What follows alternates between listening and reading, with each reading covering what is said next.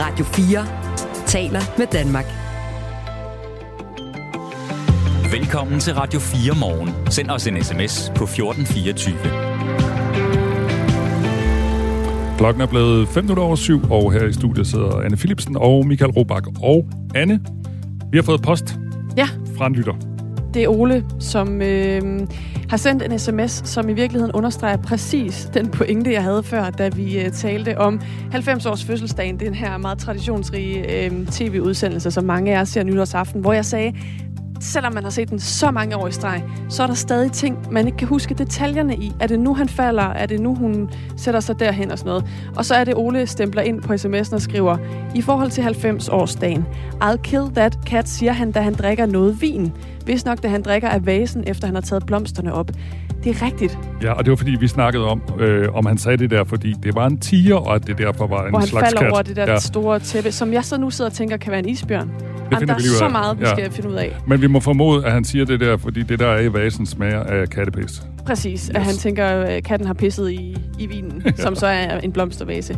Dejligt, når man kan få, øh, få input på den måde på 1424, som lige sådan øh, gør, man får rettet de der små ting, man øh, sidder og fa- fabler om herinde i studiet. Tak for sms'en. Det er jo altså øh, 1424, man skal sende den afsted til, hvis man har inputs.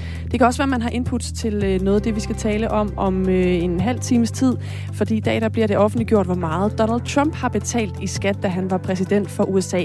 Det er øh, selvangivelserne fra årene 2015 til og med 2020, der vil se dagens lys.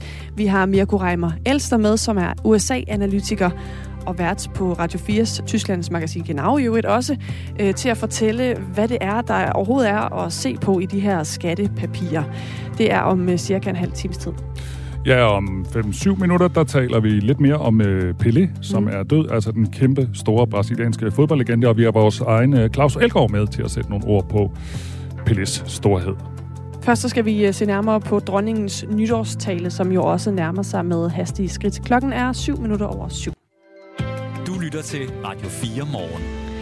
Og det er jo altså øh, i morgen, at dronningen skal tale til nationen i den årlige nytårstale. Men hvordan kommer dronning Margrethe til at turnere ordene i år, efter et 2022, der jo i høj grad har været plaget og præget af sager, som det danske kongehus nok helst havde været for uden. Det skal vi tale med dig om, Michael Breinsbo. Godmorgen. Godmorgen. kongehusekspert og lektor i historie på Syddansk Universitet. For bare lige at oprise, øh, sådan, hvordan året øh, ser ud på sådan mere øh, de trælse historier for kongehuset. Så kom jo først sagen om Herlufsholm, Gårdskolen og kronprinsparets børn. Så kom der en masse palaver omkring titlerne til prins Joachims børn, som de bliver frataget faktisk få timer efter dronning Margrethe har siddet foran kameraet i, i morgen aften, altså i det nye år. Hvordan tror du, vi skal forvente, at dronningen kommer til at forholde sig til de her kongehussager, når hun skal holde sin tale? Altså, hun vil nævne, øh, vil, bliver nok nødt til at nævne det på en eller anden måde. Hvis hun, hvis hun overhovedet ikke øh, nævner det, så vil det vække opsigt, at øh, alle jo tænker på de sager. Øh, hun vil nok nævne det i mere generelle øh, vendinger måske, men dog på en måde, så man kan sige, ja, hun forholder sig til den sag, som har, øh, øh som har optaget medierne, og som mange har lagt mærke til. I første omgang så kom kongehuset jo altså i modvind efter TV2's dokumentar om kostskolen Herlufsholm og den hårde kultur blandt eleverne. Og her blev øh, prins Christian taget ud af skolen efter længere tids øh, pres, og hans søster prinsesse Isabella begyndte aldrig på kostskolen, selvom det egentlig var planen. Og så kom der jo så øh, en anden sag i kongehuset i efteråret, da dronning Margrethe besluttede at fratage prins Joachims børns prinsesse- og prinsetitler ved årsskiftet. Og det affødte blandt andet den her reaktion fra prins Joachim. Jeg er, um, det er vi alle sammen meget øh, ked af det. Det er, det er aldrig sjovt at se sine børn på den måde øh, gjort fortræd, og de står selv i en situation, de ikke forstår. Det sagde han til øh, BT lige umiddelbart efter den her nyhed var kommet ud.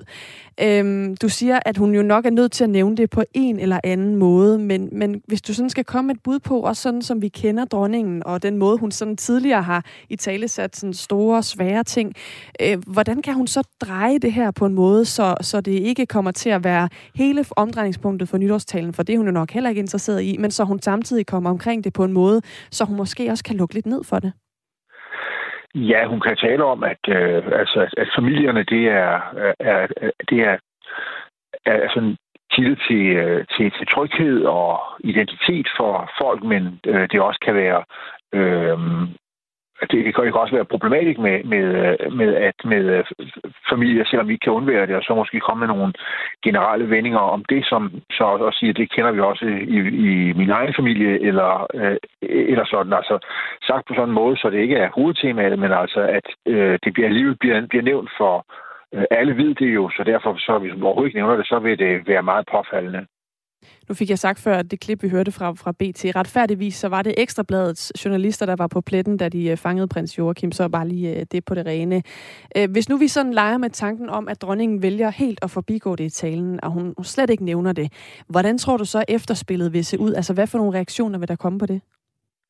Det vil øh, øh altså vække stor opsigt. Altså, det er en sag, som alle kender til, alle har en mening om, alle har læst om, og hvis hun overhovedet ikke adresserer den, så vil det altså virke som om hun øh, måske altså øh, ignorerer øh, noget, som noget helt åbenlyst, som vi alle sammen ved, og hun overhovedet ikke, forholder sig til det bare på en eller anden måde. Det vil, det vil, det vil, det vil vække opsigt. Og det er jo selvfølgelig gissninger, det her, fordi vi ved jo ikke, hvad der står i talen. Det er der ikke ret mange mennesker ud over dronningen selv, der ved. Men hvis man sådan skal kigge på, hvordan kongehuset tidligere har håndteret kriser og dårlige sager, hvordan har det så sådan historisk set sat sit præg på nytårstalerne? Jo, der var jo der for nogle år siden, da øh, dronningen meddelte, at øh, prins Henrik gik på pension Øh, så altså, det var jo at tage. Og, øh, og senere, og, og ved en senere nytale, hvor øh, efter, et, efter et år, hvor prins Henrik havde sådan sagt, kommet med ret kritiske og åbenhjertige udtalelser, øh, der øh, blev det så også meddelt, at han var, altså der, der havde vi også hørt forinden, at, at han altså var Øh, blev konstateret, det var blevet konstateret, at han havde øh, demens. Så altså, det, det blev, blev nævnt. Øh, og så var der en anden gang, hvor prins Henrik var misfornøjet over, år. han altså måtte, måtte øh, træde tilbage for, for kronprins Frederik af ved. Men, og det var, men øh, det var noget, der skete i starten af året, og da, og da der så skulle holde nytårstalen, så var den sag øh, forældet og, og blev ikke nævnt, og var behøvet heller ikke at blive nævnt. Men altså, det er eksempler på, at der, i forbindelse med prins Henrik, at, øh, at der er der blevet givet nogle væsentlige meddelelser af, øh, af den slags i nytårstalen. Nu har vi talt en del om de ting, som øh, man kan gætte på, dronningen ikke sådan glæder sig til at skulle sige i talen. Hvad tror du egentlig ellers kommer til at præge hendes nytårstale i år? Altså, hvad for nogle temaer tror du generelt, hun kommer til at have fokus på? Hun plejer jo at have et eller andet øh, tema, der ligesom binder, et overordnet tema, der ligesom binder talen sammen, og som det er det, vi husker. Men ellers så vil hun nok også forholde sig til øh, den, den øh, forhåbentlig snart overståede corona epidemi, og hvad det har betydet for, øh, for land og rige, og, øh, som, og så nævne, at øh, der er krig i Europa, og måske også øh, nævne øh, de krisetegn i form af altså øh, stigende priser, øh, og, og, og sådan som, som vi øh, lider under som følge af, af den krig. Altså nævne det selvfølgelig i almene generelle vendinger, ikke sådan gå i detaljer, men, men adressere nogle, nogle samfundsproblemer, som vi alle mærker. Vi får se, og måske tale om, hvordan vi, hvordan vi bør forholde os øh, i en sådan situation. Vi får se, hvordan det øh, ender med at lyde i morgen. Michael Breinsbo, tak fordi du var med her til morgen. Jo, selv tak da. Hej hej. Og hvis dig, der lytter med derude, øh, har lyst til at øh, give dine input, hvad du synes, øh, dronningens nytårstale øh, skal handle om, så, giv os endelig, øh, så send os endelig en sms på 1424. Du lytter til Radio 4 morgen. Den brasilianske fodboldlegende Pelé er død efter lang tids sygdom, og dermed er fodboldverdenen blevet et stort ikon fattigere. Godmorgen, Claus Elgaard. Du er vært blandt andet på Sportsugen her på Radio 4. Godmorgen. Hvor stort et ikon har fodboldverdenen mistet? Det største, ganske enkelt det største. Altså tre VM-guldmedaljer, over 1200 mål, og de blev jo ikke sparket ind mod øh, hverken Avarta eller Hedensted. Altså det var mod de største hold i Brasilien på det tidspunkt, hvor det var uovervindelige. Altså Pelé var øh, en personificering af magien omkring brasiliansk fodbold. Det var ham, der skabte øh, hele myten, hele narrativet omkring øh, brasiliansk fodbold. Han er uden, uden sammenligning øh, den største. Når du siger sådan, Claus, så tror jeg, de yngre generationer vil tænke, gud, har han spillet i Liverpool, eller Bayern München, eller andet. Mig bekendt, så spiller han i Brasilien og lidt i New York på sine øh, gamle dage. Hvorfor var han ikke i Europa?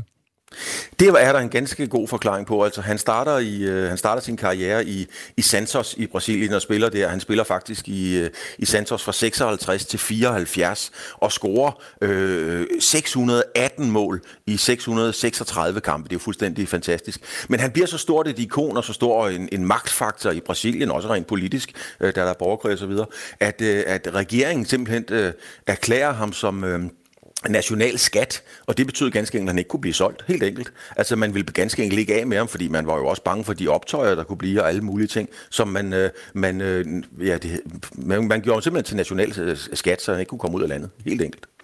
Øh, vi skal tale mest fodbold, men, men nu kan jeg ikke lade være med at spørge dig, når, når du siger, at han var en øh, politisk magtfaktor. Hvad betyder, hvad, hvad, hvad betyder det? Ja, det betyder jo, at man prøvede jo, og, og hele tiden, da der var borgerkrig, at få ham til at vælge side. Man prøvede at få ham til at tage, tage parti for, for den ene del af, af borgerkrigen, eller den anden del af borgerkrigen, men det ville han ikke. Og der udtalte Pelé jo senere, at øh, han elskede at være Pelé. Han var stolt over at være Pelé, men når han blev bedt om at tage stilling i den konflikt, så havde han at være Pelé. Det, var, det, kunne, han, det kunne han slet ikke være i. Øh, Pelés, øh, øh, hvad skal man sige, fascination og, og det han kæmpede for, det var gadebørnene. Han var jo selv øh, tidligere gadebarn.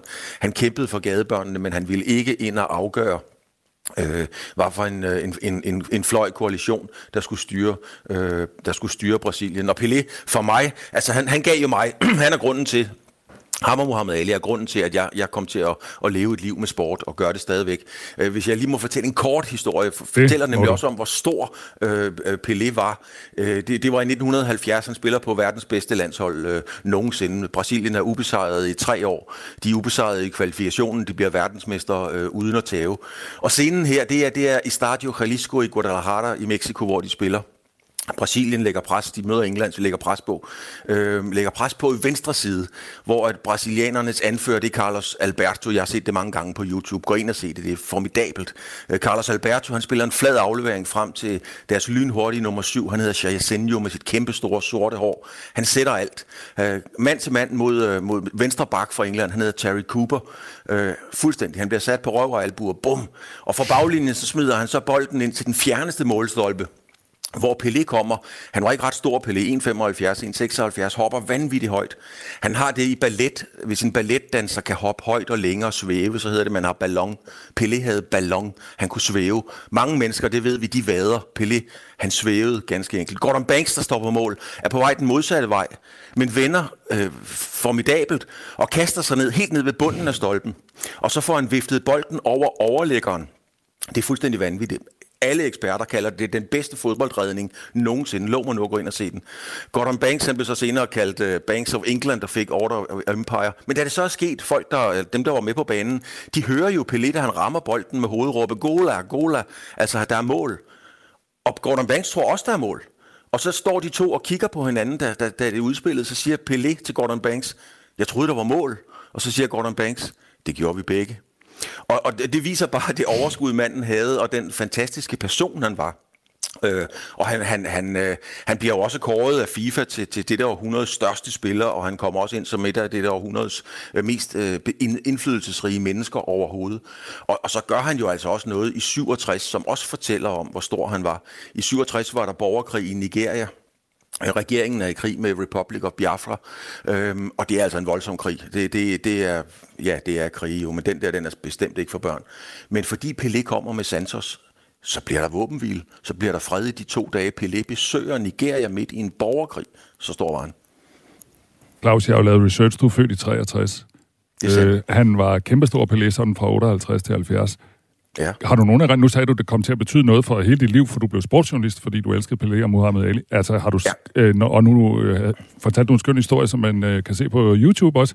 Men kan, har du selv siddet i sofaen og set ham? Kan du ja, huske ham? Ja, ja, ja, ja, det kan jeg love dig for. Jeg sad og så det med min, øh, med min far, og, og det var jo kæmpestort. Jeg var jo selvfølgelig, når man er syv år, øh, så, så er man jo ikke helt klar over, hvad det hele handler om, men, men man er klar over, at det er noget stort, der er i gang. Man er klar over, at man er, man er vidne til noget, der bare er, er anderledes, og, og den øh, andægtighed og, og den respekt... Øh, nærmest gudfrygtighed, som, som folk hele tiden omtalte Pelé med. Det vidste jeg jo ikke, hvad betød, men jeg kunne bare mærke, at det var noget, der var større end det, øh, man, man var vant til, ganske enkelt. Og når man så, jeg har været sammen med Pelé, eller sammen med, jeg, jeg mødte Pelé, jeg drak faktisk en kop kaffe med ham i 92 til EM i fodbold, hvor, hvor han øh, var der. Jeg var så ikke den eneste, der gjorde det, der var flere andre journalister. Jeg tror, Jan Jensen var der også, Jan Jensen i Ekstrabladet, ja. som også beskriver ham som den største og bedste fodboldspiller, måske atlet nogensinde i hele verden. Øhm, men, men at sidde over for ham der og, og, og kigge ind i hans... Øh, han havde sådan nogle lidt gule øjne. Det, det, var, det var fuldstændig vanvittigt. Altså, det var fortryllende på, på alle niveauer, ganske enkelt. Wow, du har mødt ham. Jeg har mødt ham, det yes. kan jeg sige dig, og, jeg, og, og det så... ved jeg, at Pelé går for, eller gik og fortalt alle mulige steder. Kig ind i dine øjne. Øh, den brasilianske regering har erklæret tre dages landesår som følge af dødsfaldet, og også på de sociale medier er der mange, der hylder på det. Pelé, blandt andet den brasilianske fodboldspiller Neymar, som skriver på Instagram, før Pelé var nummer 10 bare et tal, skriver altså Neymar med henvisning til det rygnummer, som Pelé var kendt for i løbet af karrieren.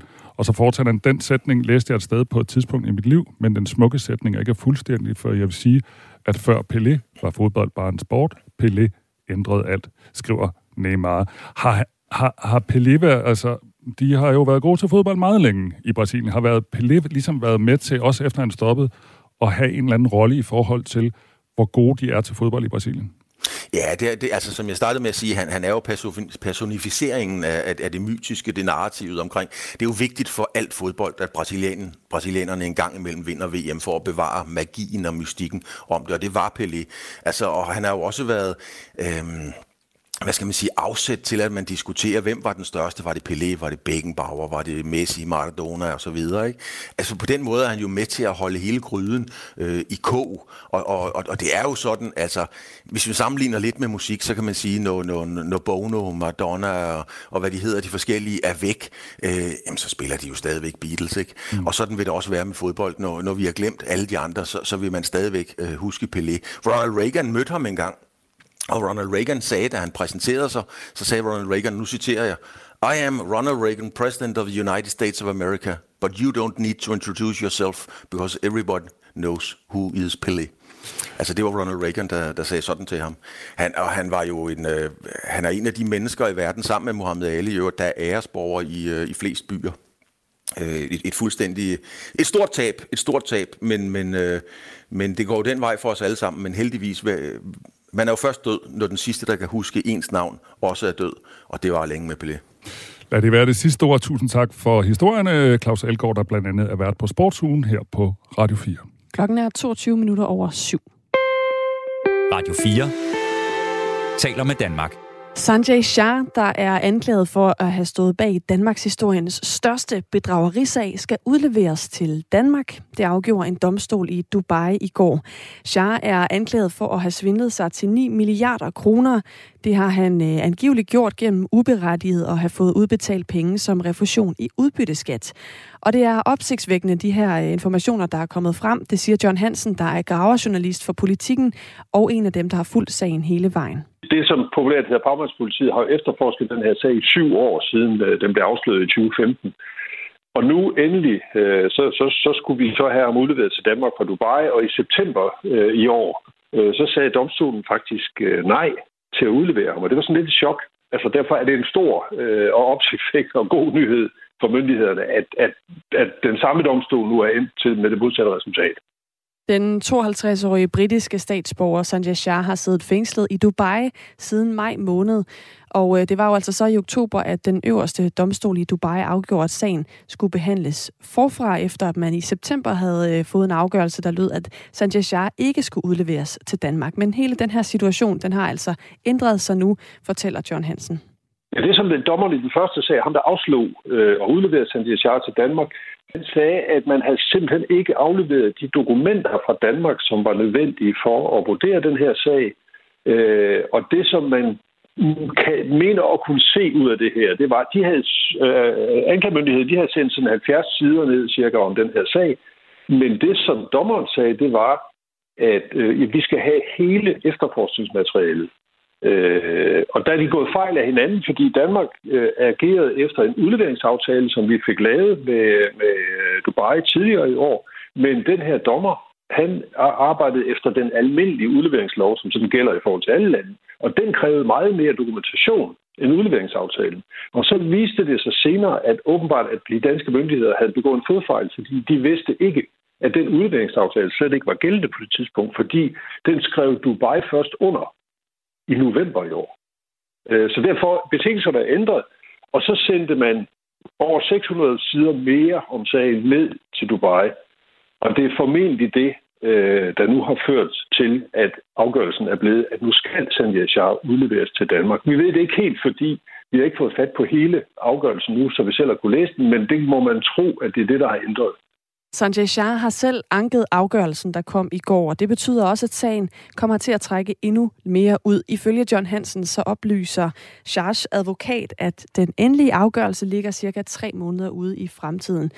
Men selv når det sker, så er det sidste punktum i sagen jo ikke sat, fordi den afgørelse, øh, som domstolen i Dubai har truffet, det er et spørgsmål om udlevering til Danmark, og altså ikke et spørgsmål om selve kriminaliteten mod den danske stat. Og hvad det præcis er, den del af sagen handler om, det forklarer John Hansen sådan her.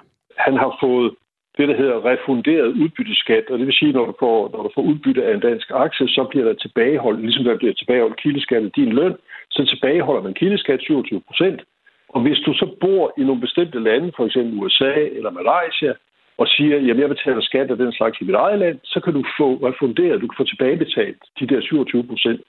Og der siger anklageren, at i Danmark siger, at, at, at Sanjay Shah han simpelthen lavede en hel masse fiktive aktiehandler, som, så, så det så ud som han havde sindssygt mange danske aktier i store danske selskaber som øh, TDC og Mærsk og Carlsberg og, og sådan noget. Ikke? Og så sendte han ansøgninger om at få refunderet udbytteskat ind til, til, til skat i Danmark, og de kontrollerede det ikke. De udbetalte bare pengene. Hvis, hvis, hvis ansøgningsblanketten var udfyldt rigtigt, så udbetalte de pengene. Og på den måde, så kørte han i hvert fald fra 2012 og så frem til august 2015, hvor, hvor det blev opdaget, at der er noget helt galt her. Øh, og der fik han så omkring 9, mellem 9 og 9,5 milliarder kroner hentede han ud. Det har han selv erkendt, at han gjorde. Han mener bare ikke, at han har gjort noget ulovligt. Ud af de penge, der mener anklagemyndigheden, at han fik med en 7 milliarder kroner til sig selv, som han puttede i egen lommer. Og det har altså afgørende betydning for sagen, om Sanjay Shah bliver udleveret til Danmark. Når han så kommer til Danmark, så vil han blive sat, øh, så vil han blive fængslet her også, at han ikke kan stikke af. Og så den 14. august næste år, øh, så sætter han sig for første gang foran, øh, foran dommeren i øh, retten i Klostrup, og så begynder en straffesag mod ham, øh, som er, er sat til at vare der fra august og så frem til april. Der skal være 60 retsmøder ifølge planen. Øh, og der, der er det med et krav om, at anklageren vil kræve ham dømt for groft bedrageri øh, og vil kræve en fængselsstraf på 12 år til ham. Det sidste, men også ret vigtige element i den her sag, det er selvfølgelig pengene, fordi får den danske stat nogensinde dem tilbage? Det svarer John Hansen sådan her på.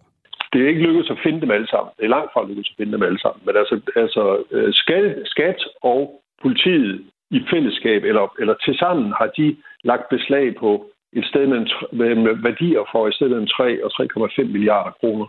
Øh, og, og, og, og afhængig af en dom i den her sag, afhængig af nogle civile retssager, der kører især i London og New York osv., så, så er der mulighed for øh, at få øh, ikke alle 12,7 milliarder kroner tilbage, men, men øh, en, en pæn del af dem.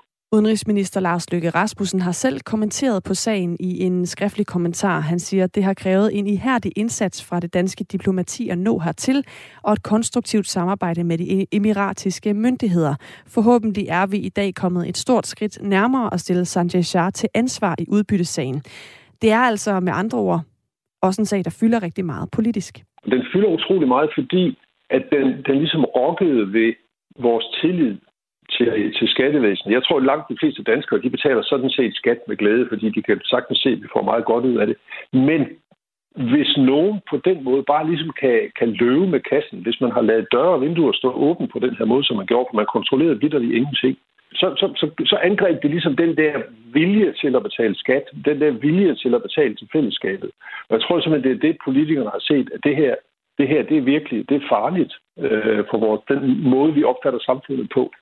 Fordi hvis vi ikke tror på, at de penge, vi betaler ind, de faktisk går til nogle af de fornuftige ting, vi gerne vil have, men at, at, at, at, at røver og tyve kan, kan løbe med pengene, så er vi måske ikke så villige til at betale skat. Og det hviler hele vores øh, velfærdssamfund jo på, at vi er villige til. Så lød det altså fra John Hansen, der er graverjournalist på Politikken, og en af de journalister, der har fulgt den her sag meget tæt en vanvittig spændende sag, må man sige. Senere på morgen, der taler vi med øh, Sanjay, øh, mere om Sanjay Shah-sagen, øh, men set i det politisk lys, det gør vi sammen med Preben Bang Henriksen, som er jo retsordfører i Venstre, og i øvrigt også øh, jurist, og det gør vi klokken kvart i ni. Lige nu, der er klokken halv otte. Nu er der nyheder på Radio 4. Rekordmange børn er i år blevet bortadopteret ved tvang, det skriver Jyllandsposten. I alt er 32 børn blevet tvangsbortadopteret frem til 4. december. Det er fem flere børn end året før, og det hidtil højeste antal på et enkelt år. Udviklingen sker efter statsminister Mette Frederiksen fra Socialdemokratiet i sin nytårstale i 2020 bebudede, at flere børn skulle have nye forældre. Niels Peter Rygaard er psykolog og rådgiver kommuner i arbejdet med anbragte og adopterede børn. Han ser flere problemer med bortadoptioner ved tvang, eksempelvis børn, der ikke lærer deres biologiske familier at kende. Han siger til Jyllandsposten, at det forskningsmæssigt er en meget dårlig idé at afbryde kontakten med de biologiske forældre. Socialminister Pernille rosenkrantz fra Socialdemokratiet oplyser til mediet, at den nye SVM-regering ikke har lagt sig fast på en fælles linje omkring tvangsbortadoptioner endnu. En større gruppe maskerede personer affyrede i aftes fyrværkeri ind mod Vester Fængsel, hvor Københavns politi var til stede. Det skriver Ekstrabladet og BT. Susanne Digemar fortæller mere. 20-30 personer blev tilbageholdt, som politiet formoder deltog i affyringen, fortæller vagtchef ved Københavns politi Henrik Brix til BT. Ifølge Ekstrabladet blev de fleste tilbageholdt til registrering, men tre personer blev anholdt. To blev sigtet for at overtræde våbenloven, og den sidste for at have udøvet vold mod tjenestemand. Vagtchefen vil overfor Ekstrabladet ikke kommentere på, om politiet tror, at gruppen har relation til bandemiljøet. Men Ekstrabladet erfarer, at der er tale om medlemmer af banditos, som ville hylde deres indsatte brødre. Til BT fortæller Henrik Brix fra Københavns politi, at det er set flere gange før, at der bliver affyret fyrværkeri på den måde. Den brasilianske regering har erklæret tre dages landesorg efter, at den brasilianske fodboldlegende Pelé i går døde i en alder af 82 år. Pelé anses af mange for at være den bedste fodboldspiller nogensinde. Han er den eneste, der har været med til at vinde verdensmesterskaberne i fodbold for sit land tre gange. Mandag vil der blive holdt en 24 timer lang mindeceremoni på midten af banen på stadion i byen Santos. Santos er Pelis hjemby. Dagen efter vil hans kiste blive brudt gennem byens gader. Optaget, optoget vil gå forbi det nabolag, hvor hans 100-årige mor bor. Optoget slutter på kirkegården i byen, hvor Pelé vil blive begravet ved en privat ceremoni. Pelle døde kl. 15.27 lokal tid på et hospital i Sao Paulo. Han fik konstateret kræft i tygtarmen i 2021, og ifølge hospitalet var det flere organsvigt, der var årsag til hans død. Kvinder skal have lov at arbejde for NGO'er i Afghanistan. Så lyder opfordringen fra FN's højkommissær for flygtninge, Filippo Grandi, til Taliban, efter at det talibanske styre i sidste uge krævede, at alle lokale og udenlandske NGO'er stoppede med at sende kvinder på arbejde. At forhindre kvinder i at deltage i humanitært arbejde er en alvorlig fornægtelse af deres menneskelighed, udtaler Grandi i en pressemeddelelse fra FN's flygtningeorganisation. Ifølge organisationen arbejder mere end 500 kvinder med organisationens 19 NGO-partnere i Afghanistan, og de hjælper tæt på en million kvinder og piger i landet. Taliban begrunder kravet med, at nogle kvindelige medarbejdere ikke har fuldt styrets fortolkning af islamisk påklædning. Og i går kom udenrigsministerne fra 12 lande herunder Danmark og EU med samme opfordring som Grandi. Først på dagen perioder med lidt eller nogen sol, dog med risiko for enkelte byer. Senere bliver det gråvejr de fleste steder, men mest tørt. Let til frisk vind fra sydvest og vest. Du lytter til Radio 4 morgen. Husk, du kan skrive en sms til os på 1424. Det har øh, Paul gjort. Vi har jo simpelthen fået gang i nærmest en lille følgetong her til morgen, øh, Michael Robach, i forhold til 90 års fødselsdag. Ja. Ja, altså den her øh, legendariske udsendelse, som mange af os ser nytårsaften. Paul skriver, det er et isbjørneskin. Igen en pointe i forhold til det, jeg startede med at sige her til morgen med. Det er som om, der er ikke rigtig så mange af os, der kan huske detaljerne i den sketch, som vi har set siden, hvornår var det? 70'erne eller endnu længere tilbage? 73 ja. var første gang, den blev vist nytårsaften, som jeg lige husker det, og øh, den bliver sendt 23.40 i morgen aften Præcis. på DR1, og vi, vi talte nemlig om den tidligere, og det er kun i Danmark, den er en øh, tradition, at vi ser den nytårsaften, og det er derfor, vi taler om den, fordi vi nærmer os jo nytårsaften. Det må man sige. Jeg har lige været inde på en artikel fra Ekstrabladet, som... Øh, i virkeligheden sådan også opridser lidt historien bag den her sketch. Og der er et øh, screenshot, altså sådan et, et øh, billede af et klip fra 90-års fødselsdags-sketchen. Det ligner altså en tiger når jeg kigger på det. Jeg nåede også lige at google, mens ja. vi hørte nyhederne, og der stod der altså også, at det var tigerskin i ja. en eller anden tilfældig artikel, jeg fandt. Men det er jo igen bare pointen om, at øh, vi har alle sammen hver vores tolkning og oplevelse af, der ligger i 90-års fødselsdagssketchen. Og det synes jeg faktisk på en måde også er meget herligt. Ja, og måske ikke? spiller det også en rolle, det du sagde tidligere ja. med. Måske har folk lige fået et enkelt glas, eller ja, det har de fleste sådan. nok. Så man ser den sådan måske gennem lidt, lidt sløret blik. Ja, det tror jeg godt, vi kan sige, i hvert fald nogen gør. Nå, det er Radio 4 Morgen med Anne Philipsen, Michael Robach, og nu skal vi til USA. Du lytter til Radio 4 Morgen. For i dag bliver det offentliggjort, hvor meget Donald Trump har betalt i skat, da han var præsident for USA.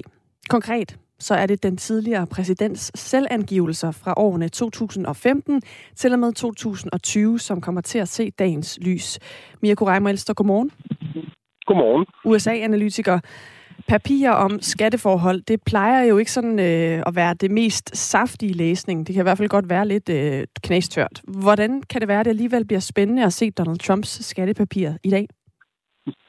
Jamen, jeg tror, det er de færreste danskere, der sådan sidder og kigger på deres årsopgørelser forskudsopgørelser og tænker, gider jeg kunne se min nabos. Men, øh, men Trump er selvfølgelig heller ikke en hver tilfældig øh, nabo. Han er jo øh, selvfølgelig tidligere præsident, nuværende præsidentkandidat.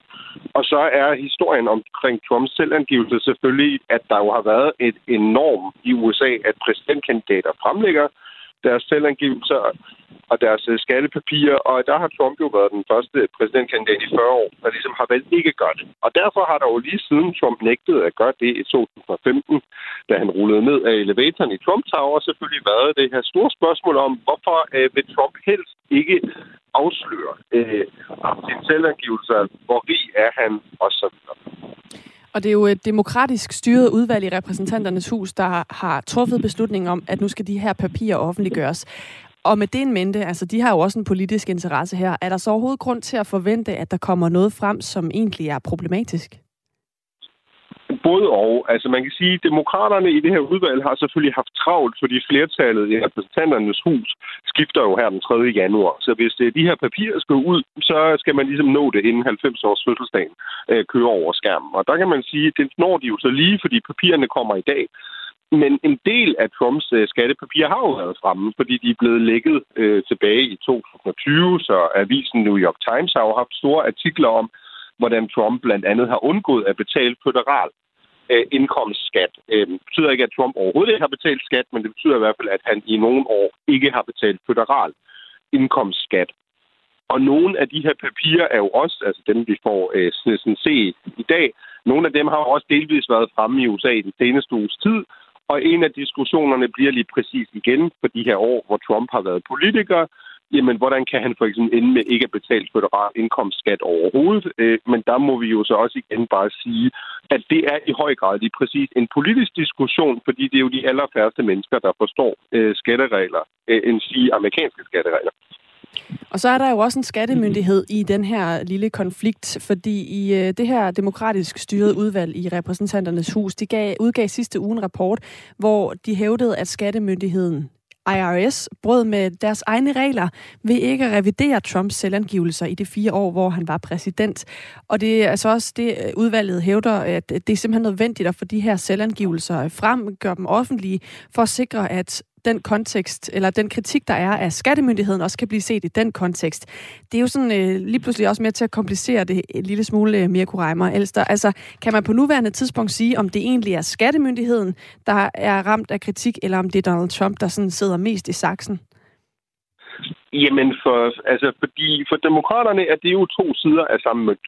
Fordi det er klart, de har en politisk interesse i at få Trumps papirer frem, men det, papirerne er ligesom også blevet brugt i en større diskussion, øh, som er meget ideologisk i USA, som handler om skattemyndighederne i sig selv, altså IRS. Og det har blandt andet noget at gøre med, at øh, demokraterne vil rigtig gerne tilføre skattemyndighederne flere penge, øh, så de kan ansætte flere medarbejdere, fordi det, der blandt andet er kommet frem i, i den her rapport øh, fra udvalget, er jo, at i de år, hvor Trump har været præsident, der er der kun én medarbejder, der har siddet med samtlige Trumps skattepapir. Øh, og der kan man sige, at Donald Trump er jo ikke som, som dig og mig. Altså, det er jo ikke, fordi han lige skal kigge på sit befordringsfradrag og finde ud af, om man har arbejdet lidt hjemme under corona eller andet. Det er jo meget, meget avanceret øh, skattemekanik, øh, og Trump har selvfølgelig haft en her af advokater og andre, der har hjulpet ham med at betale så lidt i skat som øh, muligt, og det er jo overhovedet ikke ulovligt, den slags, men det betyder bare, at en medarbejder har måske været lige lovlig lidt i forhold til at kunne kigge på de her papirer. Øh, omvendt har du republikanerne, der jo Øh, sådan ud fra et meget klassisk konservativt synspunkt synes, at skattemyndighederne skal fylde sig lidt som muligt i borgernes øh, øh, hverdag, som helst øh, enten helt vil afskaffe øh, IRS, eller som minimum gerne vil have, at de skal have færre penge. Så det er jo ikke kun en diskussion om Donald Trumps skattepapir. Det er også en diskussion om, øh, hvor mange midler og beføjelser skal IRS, altså skattemyndighederne i USA overhovedet have, øh, som også spiller ind her. Og som du også har været inde på før, så er det jo egentlig kutyme, at man offentliggør sine selvangivelser, når man stiller op til et præsidentvalg i USA. Og dermed så blev øh, Donald Trump jo også den første i flere årtier, der ikke gjorde det, altså offentliggjorde skatteforholdene under sin valgkampe i 16 og 2020.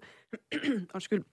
Og nu rammer den beslutning jo så ham i et eller andet omfang. I hvert fald bliver han jo tvunget til at lægge dem frem nu.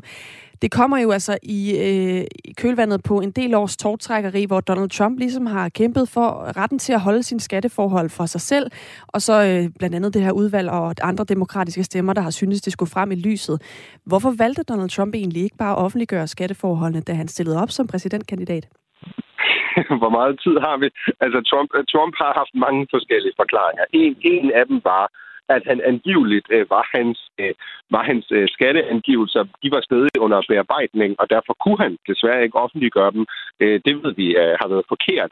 Øh, så det mest sandsynlige øh, svar er jo, at den Trump har ikke haft en interesse i at fremlægge papirerne. Nok øh, blandt andet fordi øh, der er meget, der tyder på, at øh, Trump, der jo i hvert fald i en politisk forstand i den grad markedsførte sig selv på at være en succesfuld forretningsmand, øh, det var ligesom hans claim to fame, at han skulle være direktør for firmaet Amerika, da han ligesom annoncerede sit kandidatur i 2015.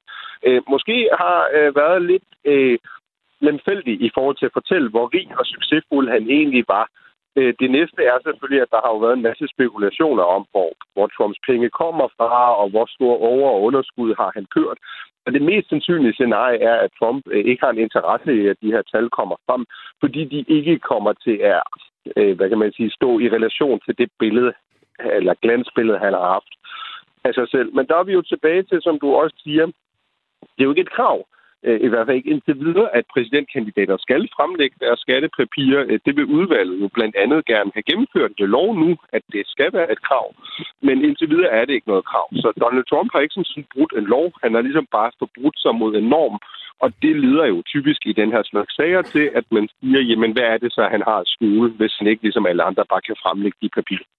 Mirko, nu øh, refererede du selv for et øjeblik siden til 90-års fødselsdagen, og øh, den har jo den her sætning, same procedure as last year. Ender den her sag, ligesom alle andre sager så, øh, med Donald Trump, med, at der er stor, stor hej, og du taler i timevis, og vi taler om det, og så sker der ikke rigtig noget, fordi han på en eller anden måde har teflon på, når det er den her slags sager?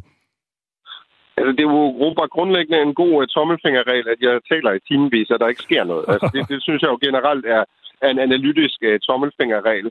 Nej, men man kan sige, at det er jo i hvert fald relevant at forholde sig til, at der er dem, der ligesom ser det her, og nu håber, at så ser de Trump bag trammer i 2023, fordi så bliver han knaldet på skattesvindel, eller hvad ved jeg. Øh, der tror jeg bare igen, man skal forholde sig til, at vi er altså meget langt fra den slags scenarier, fordi der er en grund til, at det har taget øh, seks år, før de her skattepapirer overhovedet er kommet frem. Øh, Trump har råd til nogle af verdens bedste advokater, og det er jo blandt andet noget af det, som udvalget også har konkluderet, at, at de nuværende skattemyndigheder har simpelthen ikke ressourcerne til at kontrollere folk med mange ressourcer i tilstrækkeligt omfang, fordi dertil er skattelovgivning for kompleks, øh, IRS er også et sted, hvor de jo selv indrømmer, at de, de synes ikke, det er så sjovt at skulle i kontakt øh, med borgere i det amerikanske samfund, der har nogle ressourcer i forhold til at stille med nogle gode advokater. Så det er jo, det er jo alt, alt for tidligt. Øh, og så vil jeg, øh, apropos 90-års øh, fødselsdagen, afslutte med at sige, øh, det kan jo ikke lade være med, når jeg også har været på øh, Radio 4's Tysklandsprogram Genau, at øh, 90-års fødselsdagen er altså en meget stor ting i Tyskland, øh, hvor man ser det hvert år. Så der kan man i hvert fald sige same procedure as last year, men jeg ved sgu ikke, om det gælder i forhold til Trump. Det gælder tak. i hvert fald også herhjemme. Jeg skal i hvert fald også se den i morgen, Mirko. Det er jeg glad for, ja. Tak fordi du var med her, altså øh, USA-analytiker og, som han jo også lige fik nævnt her, vært på øh, Radio 4's Tysklands magasin Genau. En talsperson for Donald Trump har afvist at kommentere den her øh, udmelding fra udvalget i repræsentanternes hus, men vi bliver jo i hvert fald i et eller andet omfang klogere i løbet af dagen i dag, når de her papirer bliver lagt frem. Lige nu der er klokken kvart i otte. Comedy-kontoret med Torben Sangil og Anders Fjelsted. Jeg vil gerne fortælle historien, en gang jeg blev pisset i ansigtet af en anden mand. Sammen med ugens gæst diskuterer de håndværket bag comedy og analyserer de bedste jokes gennem tiden. Jeg ser bare for mig, du vender dit ansigt op mod pisset, men så finder du ud af, at der er materiale, så der kommer et smil over din læber. Og stadig var hans tænder ikke de guleste på den her præstation. Lyt til Comedy-kontoret i dag kl. 13.05. Radio 4 taler med Danmark. Du lytter til Radio 4 morgen. Diskussionen om øh, fyrværkeri kører som sædvanligt her mellem jul og nytår, og et af forslagene er, at man skal forbyde fyrværkeri for private, og i stedet, lade, i stedet lade professionelle stå for affyringen af raketter og andet. Og sådan gør man faktisk allerede i flere byer, hvor borgerne helt har droppet at købe fyrværkeri, og i stedet samle penge ind til, fyrvær- til en fyrværker, som står for et stort show. Og en af de byer, hvor borgerne øh, lidt over midnat nytårsaften samles for at se det fælles indkøbte fyrværkerishow, det er i Øster Assels på Mors. Godmorgen, Gunnar Mogensen. Du er bestyrelsesformand for Øster Assels Brugsforening. Godmorgen. Det er Brugsforeningen, der de sidste tre år har valgt at samle ind til det her. Hvorfor har I valgt det? Jamen, hvorfor valgte det? Vi så, de har brugt det andre steder, og så tænkte vi, det kan vi også gøre her, for vi er hverken uh, eller mig, vi er, sgu helt, vi er helt vilde med alt det fyrværkeri. Vi har selvfølgelig aldrig købt vi uh, 5-8 raketter og en batteri måske, og så skulle jeg have fyre af. Men vi tænkte, vi, det, kunne vi, uh, det ville vi prøve, om vi kunne samle ind til her. Og det er så lykkedes de sidste tre år at få samlet penge ind til, vi kunne få en fyrværker til at stå for det. Os, der ikke har været i Øster Assels øh, nytårsaften, prøv lige at fortælle os, øh, hvordan, øh, hvor gør I det henne, og hvor mange kommer og sådan noget?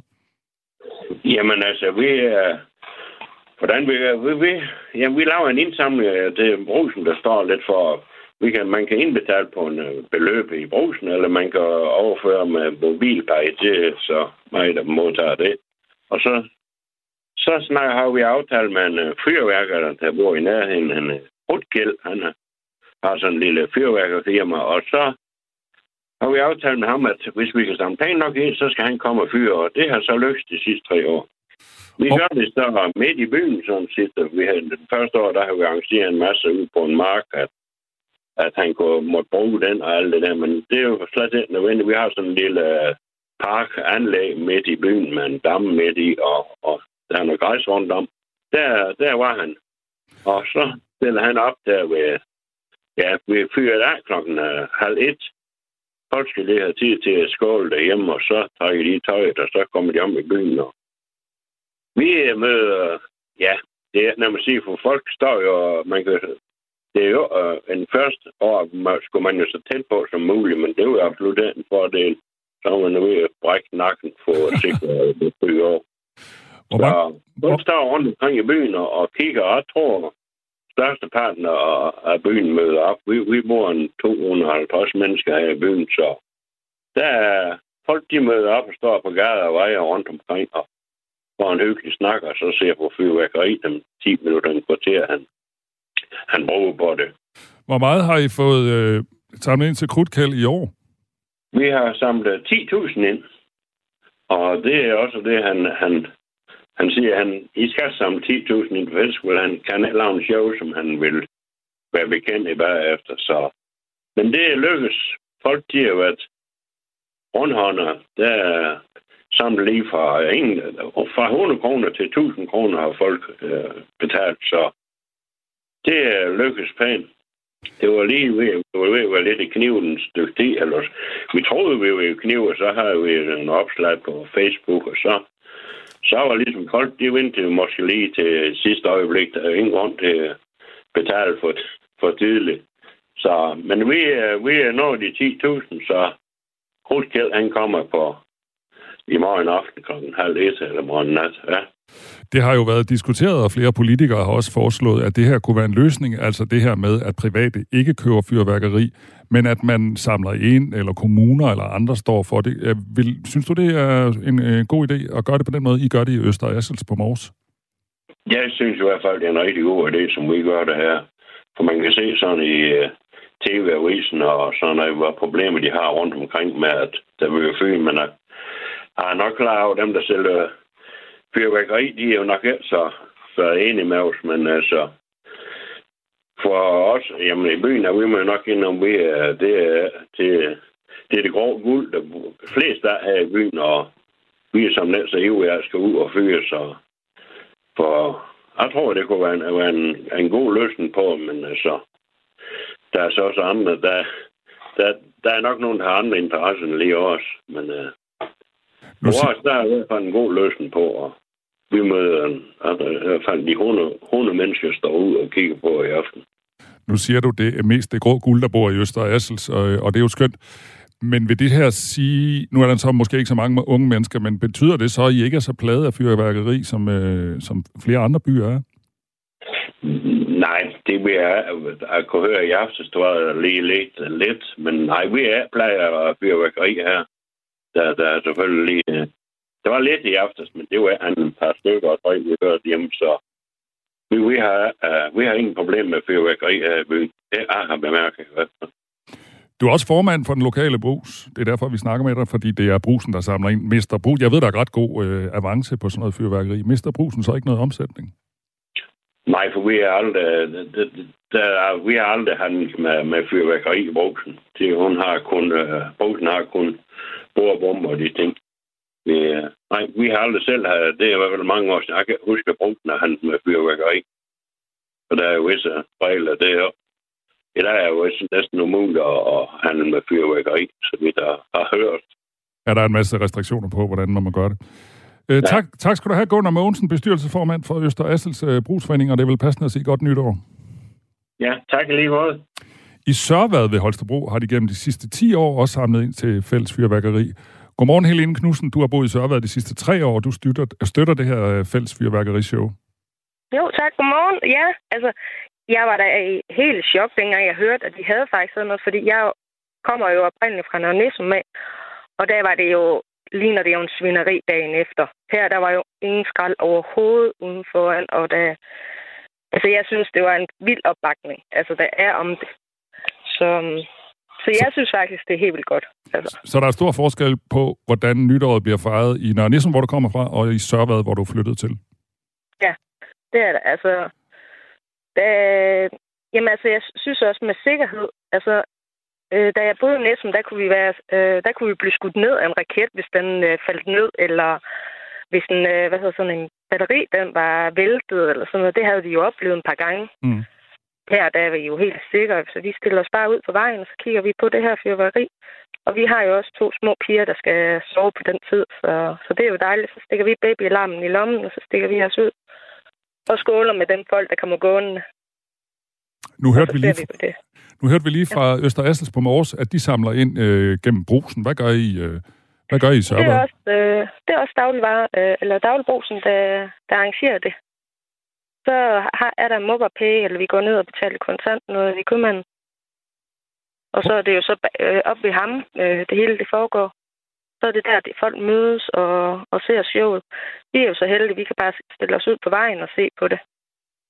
Så vidt jeg ved, så bor der sådan 12-1300 mennesker i Sørvad. Hvad, hvad, hvor, hvor stor opbakning er der til det her? Øhm, jeg tror, det er 15.000, vi skal samle ind til det, og, og det er vi allerede nået op på nu. Altså, jeg synes, der er nogen, de, øh, de bakker op på det, selvom de ikke skal være i Sørvad. Øhm, men altså, jeg synes, der er faktisk en god opbakning. Hvor meget skal man betale? Altså, han har skrevet sådan et eksempel på 100 kroner per person, eller... Nej, 100 kroner per, per husstand og 25 kroner per person. Hvis, øh, jeg har så givet 200 kroner, fordi øh, jeg synes, det skal op og køre. Altså, hvis det var, at han manglede, så ville jeg gerne glædeligt betale flere penge. Nu er det her jo også sådan lidt en øh, politisk diskussion. Der har været flere politikere, der har foreslået noget tilsvarende, altså det her med, at man lader professionelle stå for øh, fyrværkeri, eller nogen, der har forstand på det. Hvad, hvad synes du, det er en god idé? Det synes jeg faktisk, fordi at øh, fulde mennesker fyrværkeri, det passer altså heller ikke sammen. Øh, også bare børn generelt. Altså, hvis de skal ud og fyre af, og de gør noget forkert, så kan de jo springe fingre af. Hvis det... Og jeg synes, øh, ja, men også bare det der med, at nu har jeg jo små børn. Jeg synes, det er træls, at de begynder at fyre af, og mine børn, de vågner. Altså, så gør det en dag om, om året. Altså, så kan man godt tilgive det. I stedet for, at det er fem gange om, om året, hvor de fyrer af og vækker mine børn. Det tror jeg, der er mange. Der er også mange, der ikke kan lide, at børn bliver væk, og der er mange, der heller ikke kan lide, at øh, deres Nej. kæledyr har en, en dårlig aften. Nej. Øh, betyder det her, øh, Helene, at I så er mindre plade af fyrværkeri her mellem jul og nytår? Altså, der er nogen, der fyrer af. Det mm. kan vi ikke undgå. Altså, man kan jo også godt se, når vi stiller os ud, så er der jo også alle andre steder, der vi kan se fyrværkeriet fra, fordi de nok ikke har haft lyst til den der sammenhold med at gå ned, eller de vil nok bare hellere være derhjemme og fyre lidt af. Altså, de, jeg synes også, at dem, der har lyst til det, de skal også have lov til det. Altså, min mand og jeg, vi er bare ikke nogen, der har lyst til at fyre af. Vi vil hellere se på det. Jamen, så er det jo en rigtig god løsning for, for jer. Øh, du skal have tusind tak, øh, Helene Knudsen, øh, jo, og god fornøjelse nytårsaften og godt nytår. Jo, tak og lige måde. Hej. Tak. Klokken er øh, 4 minutter i 8 på denne 30. december. Det her er Radio 4 morgen. Ja, 30. december, det betyder, at vi jo nærmer os øh, 31. december, som er nytårsaften. Og Anne, jeg skal spørge dig, har du, øh, har du nogle gode nytårsforsæt? Ikke en eneste. Er du sådan en, der ikke har det, eller er du sådan en, der ikke lige har fundet på det endnu? Jeg tror ikke, jeg sådan nogensinde har haft det sådan rigtigt, men jeg kan godt øh, blive grebet af sådan en nytårsenergi. Altså ja. sådan en, du ved, øh, ej, det her skal, nu skal vi også nå det her, eller det her skal vi også have ordnet derhjemme, eller et eller andet. Men decideret sådan fortsætter, det, det har jeg faktisk aldrig gjort det. Har du nogen? Jamen, jeg har næsten altid det samme. Jeg, jeg, jeg, jeg chat-ryger. Det vil sige, ah, jeg ryger lidt en gang. Jeg ryger, jamen, jeg ryger ikke rigtigt. Nej. Men jeg, men jeg ryger alligevel lidt. Og det vil du gerne stoppe med? Ja, jeg synes, det er noget fis. Ja. Nå, men vil du, vil du have lidt inspiration? Ja, giv mig det. Jeg har fundet en undersøgelse fra sidste nytår, som er lavet af Gallup for forsikringsselskabet Gensidige, og der svarer øh, en tredjedel, at de har nytårsforsæt, så to tredjedel har det faktisk ikke. Mm. Øh, og så kan vi lige øh, tage nogle af dem, de nytårsforsæt, som er, er mest populær, hvis vi kan kalde det det. Hvad tror du egentlig er det mest? Det må være noget med vægttab. Det er det nemlig. Ja, så når på sådan en uh, fuldfed december, ikke? Så, så skal vi alle sammen tabe os i januar. 14,9 procent af dem, der har et nytårsforsæt, de vil gerne tabe sig. Mm. Det er altså en evergreen. Så nummer to, 12,8 procent, vil spise sundere. Ja. ja, det er lidt i familie. Ja. Hvis det er de samme mennesker, så viser det jo, at det ikke er et forsæt, der er gået i opfyldelse. Nej. Hvis det er år efter år. Og nummer tre, dyrk mere motion. Mm. Det har jeg faktisk også haft som uh, nytårsforsæt nogle år. Det, det er det lykkedes? Nogle år. Ja. det er ikke rigtig lykkedes i år. Nej. Øhm, nå, så sker der noget andet end kroppen. På fjerdepladsen er det at spare op og forbedre min økonomi. Det, øh, det vil cirka 10 procent. Og det kan man jo sige, det her det er en opgørelse fra sidste år. Mm-hmm. Og det kunne jeg godt forestille mig, at det her måske har ændret sig med det her år, hvor vi har haft masser af inflation og stigende energipriser. Ja, det kunne man da sagtens tænkes. At folk måske vil øh, være bedre til at spare op og forbedre deres økonomi. Femtepladsen. Ja. Brug mere tid med familie og venner. Det er jo et af de gode gratis, og sådan lidt mere lige til, tænker jeg, end for eksempel at tabe sig. Og så er der et andet, som jeg synes er meget interessant. 4% vil ændre jeg vil ændre min arbejdssituation. Altså det tror jeg, at de der folk, der tænker, sidder og tænker, hmm, nytårsaften, hvilket år mm. går vi ind i, og hvordan har jeg det, og hvordan mm. trives jeg? Og så er der altså 4% der tænker, måske skal jeg have mig et nyt job. Ja. Jamen, det, og det er jo det, der er ved nytåret, ikke? Det er jo også, at man øh, lige får reflekteret lidt, og nogle gange finder frem til nogle øh, refleksioner, som øh, måske for eksempel et nyt job, eller øh, en ny hobby, eller et eller andet, ikke? Eller en ny partner. Er der også nogen, der har det som forsæt? 2,5 procent af danskerne havde sidste år som nytårsforsæt, at de ville have sig en ny partner. Okay, men det er jo ikke sikkert, at alle havde en i forvejen. Eller hvad? Ændre i min partners situation. Nej, det kan også være, det betyder. Ja. ja det kan også være, det er et nytårsforsæt, man ikke skal fortælle sin partner. Det er ikke det, man lige tager klokken 12 der. Skål, skat. Og, øh... Jeg vil ændre min partners situation. Jeg håber ikke, vi har om et år. og, kun, og det er det lille overraskelse, men det siger jo også noget om, hvor få der efterhånden ryger. Kun 2,3 procent vil stoppe med at ryge. Okay. Ja. Men det var faktisk, det overrasker også mig. Ja, det... fordi det tænker jeg, hvis man havde spurgt for 20 år siden, så ja. tror jeg, det ville være det, det meste. Men altså, vi er jo et land, der ryger mindre og mindre, så det tror jeg bare, at det, det afspejler. Så her fik du nogle, øh, noget inspiration til nytårsforsæt. Tak for det, og de er jo øh, hermed givet videre ud til øh, dig, der lytter med, som jo også er meget velkommen til at stemple ind på sms'en 1424. Det kan jo være med dit eget nytårsforsæt, eller også kan det være med en holdning til den debat, vi dykker ned i om en halv times tid. Der skal vi nemlig tale med Pia Kærsgaard, der er medlem af Folketinget for Dansk Folkeparti. Et parti, der synes, at vi skal indskrænke tidsrum, tidsrummet for, hvornår vi, vi må affyre fyrværkeri, så man faktisk kun må fyre det af øh, fra kl. 12 den 31. december til kl. 3 om natten den 1. januar. Det, det er et øh, forslag, vi kigger nærmere på her til morgen. Ja, og det er en diskussion, som vi næsten har hvert år, men jeg ja. synes, den har fået mere fart i år. Ja, den jeg får tænker, i hvert fald øh, fart. Jeg tænker, der, jeg tænker, der kunne ske noget. Ja, om en halv time. Først skal du øh, lige have noget fra Asbjørn Møller her klokken er 8.